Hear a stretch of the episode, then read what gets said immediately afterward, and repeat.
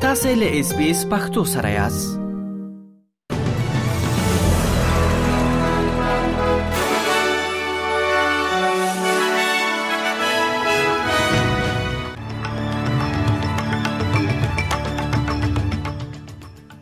د هند لمړی وزیر نریندرا مودي د استرالیا سیدنی ښار ته په رسمي سفر راغلی دی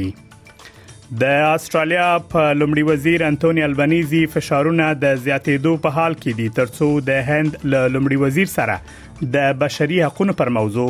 خبرې وکړي د استرالیا د اپوزيسیون مشر پیټر ډټن استرال وایي چې استرالیا باید له بهرني ځواک سره د ښکیلتیا پر مهال له تاریخ څخه درس تکړي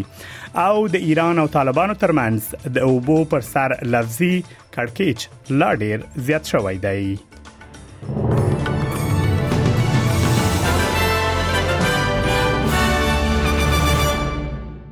اوس هم پام وکړئ بشپړ خبرونه ته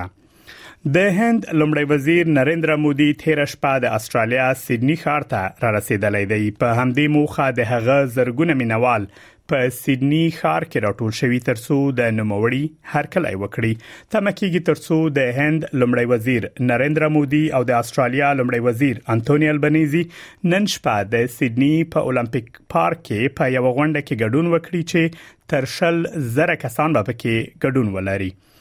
تمه کیږي چې خاغلی مودي به د سیدنی په غرب کې هرس پارک سیمه ته هم لاړ شي او په یا او په یاد سیمه کې د کوچنی هند لوحه بند کړي او د دغه ځای افتتاح وکړي د خغلی مودي په سلهاو پلویان نن سهار له ملبون ښار څخه په یو چارټر الوتکه کې سیدنی ته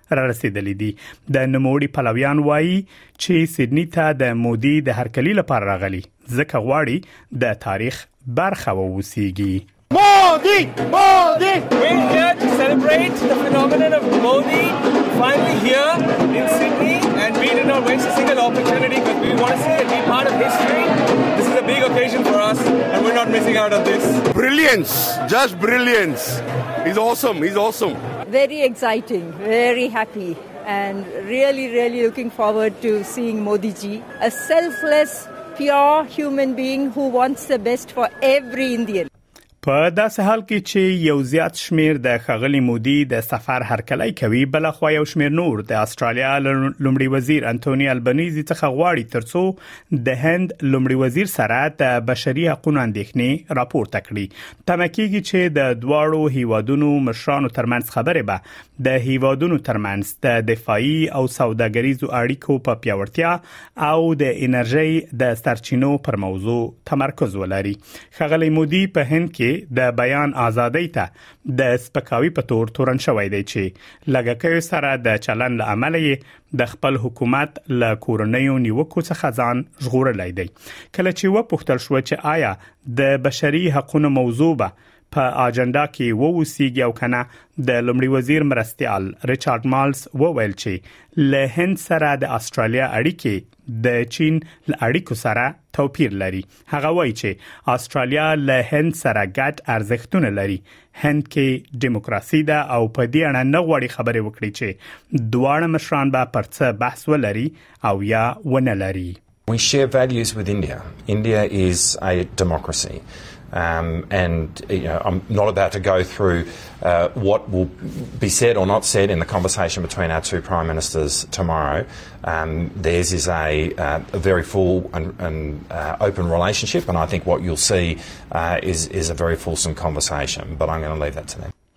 په داسې حال کې چې د استرالیا لومړی وزیر د روان کال په وروستیو کې چین ته د سفر لپاره تیاری نیسي د استرالیا د اپوزيسیون مشر پیټر ډټن وای استرالیا باید له بهرني ځواک سره د ښکیلتیا پر مهال له تاریخ څخه درس تکړي خغلی ډټن او د استرالیا د لمړي وزیر مرستيال ریچارډ مالز د استرالیا د جګړې په یادګارځای کې په تر سره شوه غونډه کې له چین سره د ډیپلوماسۍ او د استرالیا، امریکا او انګلستان ترمنځ د تړون په اړه خبرې کړې دي. د استرالیا حکومت له چین سره د ډیپلوماټیکو اړیکو د خوالي لپاره هڅې پیل کړي. تیرونی چین اعلان وکړ چې دوی به له استرالیا څخه د لرګیو واردات بیا پیل کړي خغلی البنيزي وایي چې هغه هم د ډیپلوماسۍ د خکولو لپاره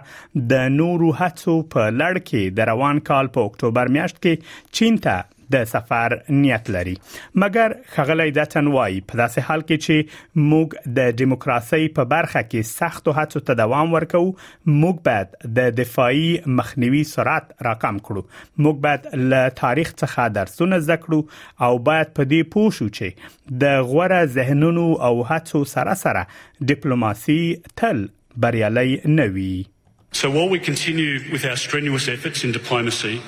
We must put the accelerator down on defence deterrence. We must learn the lessons of history, and we must be cognizant that despite the best minds and efforts, diplomacy doesn't always succeed as much as we hope it always will. د استرالیا سرحدي ځواکونه هغو تورونو ته ځواب ورکوي چې په هوایي ډګرونو او بندرونو کې کارمندان هیواد ته د مخدره موادو د راوړلو اجازه ورکوي د سرحدي ځواکونو کمشنر مايكل اوټرم د سنا مجلس ته ویلي چې د سرحدي ځواکونو لخوا د کوکاین په کشف او ضبط کې د پام وړ پرمختګ شوی دی نو موري وای دوی په تیر یو نیم کال کې د نشه یي توکو د قاچاق په اړه پلټنې ترسره کړي او شاوخوا سل شرکتونه او زر کارکونکو په ګوته کړي چې د سرحدي ځواکونو په لیکو کې نفوذ کړی و او استرالیا ته د کوکاین په واردولو کې لاس درلود هغه وایي چې د سنا کمیټې ته د جارډینا د عملیاتو په اړه معلومات ورکړي چې دوی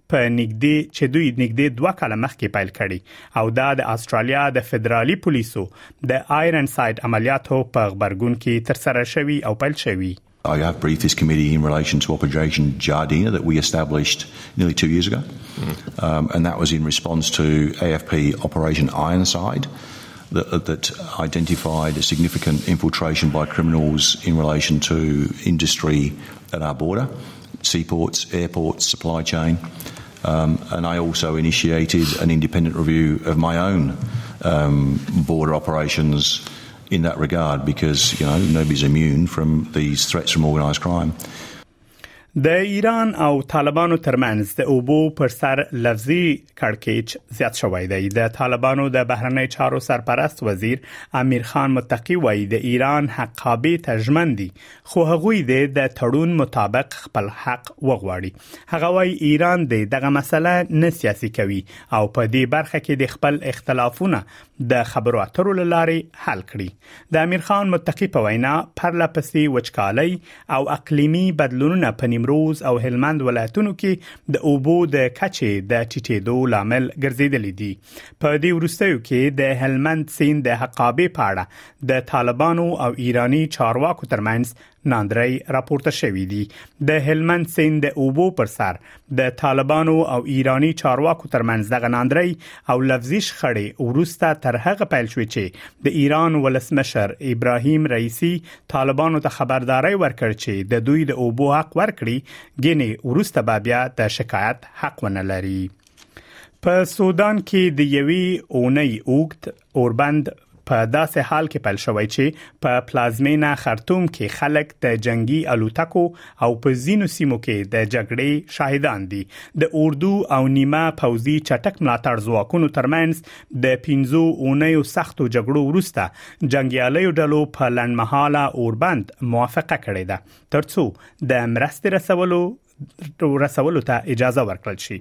دا ځل په سوران کې د اوربند د چار لپاره یو میکانیزم هم جوړ شوی دی د سودان لپاره د ملګرو ملتونو د سرمنشي ځانګړی استاذ وای د چارنې میکانیزم به وکولای شي هر هغه اړخ چې د اوربند د ماتولو هڅه کوي افشا کړي هغه وای دواړو خواو ژمنه کړې ده چې په 48 ساعتونو کې به پوزي ګټه له دغه حالت څخه نه پورته کوي Both parties had committed not to seek military advantage in the 48 hours preceding it. That has not been honored. We have seen fighting also. It is good that a light monitoring mechanism has been established, which will make it possible to say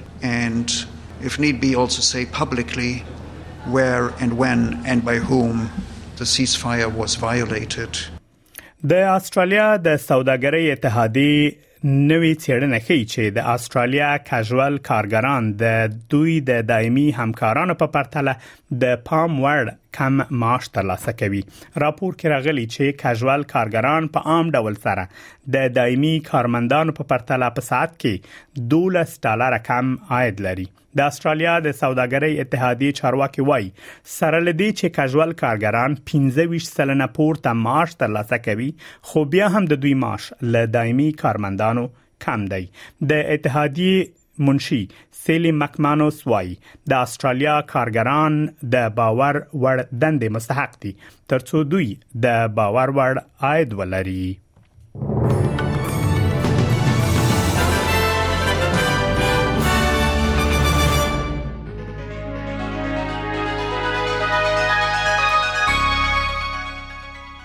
اوس هم پام وکړئ د هوا حالاتو ته په سیدنی کې ډیری لمر د تودوخې لوړه درجه شل په ملبن کې وریځ د تودوخې لوړه درجه 12 په برزبن کې لمر د تودوخې لوړه درجه 23 پرت ښار کې وریځ او باران د تودوخې لوړه درجه 15 په اډلېټ کې هم باران د تودوخې درجه 13 په داروین کې ډېر لمر د تودوخې لوړه درجه 11 کانبرا کې نیمه وریځ د تودوخې لوړه درجه 14 په نیوکاسل ښار کې ډیری لمر د تودوخې لوړه درجه 21 او له استرالیا څخه بهر په کابل کې وریځ د تودوخې لوړه درجه 21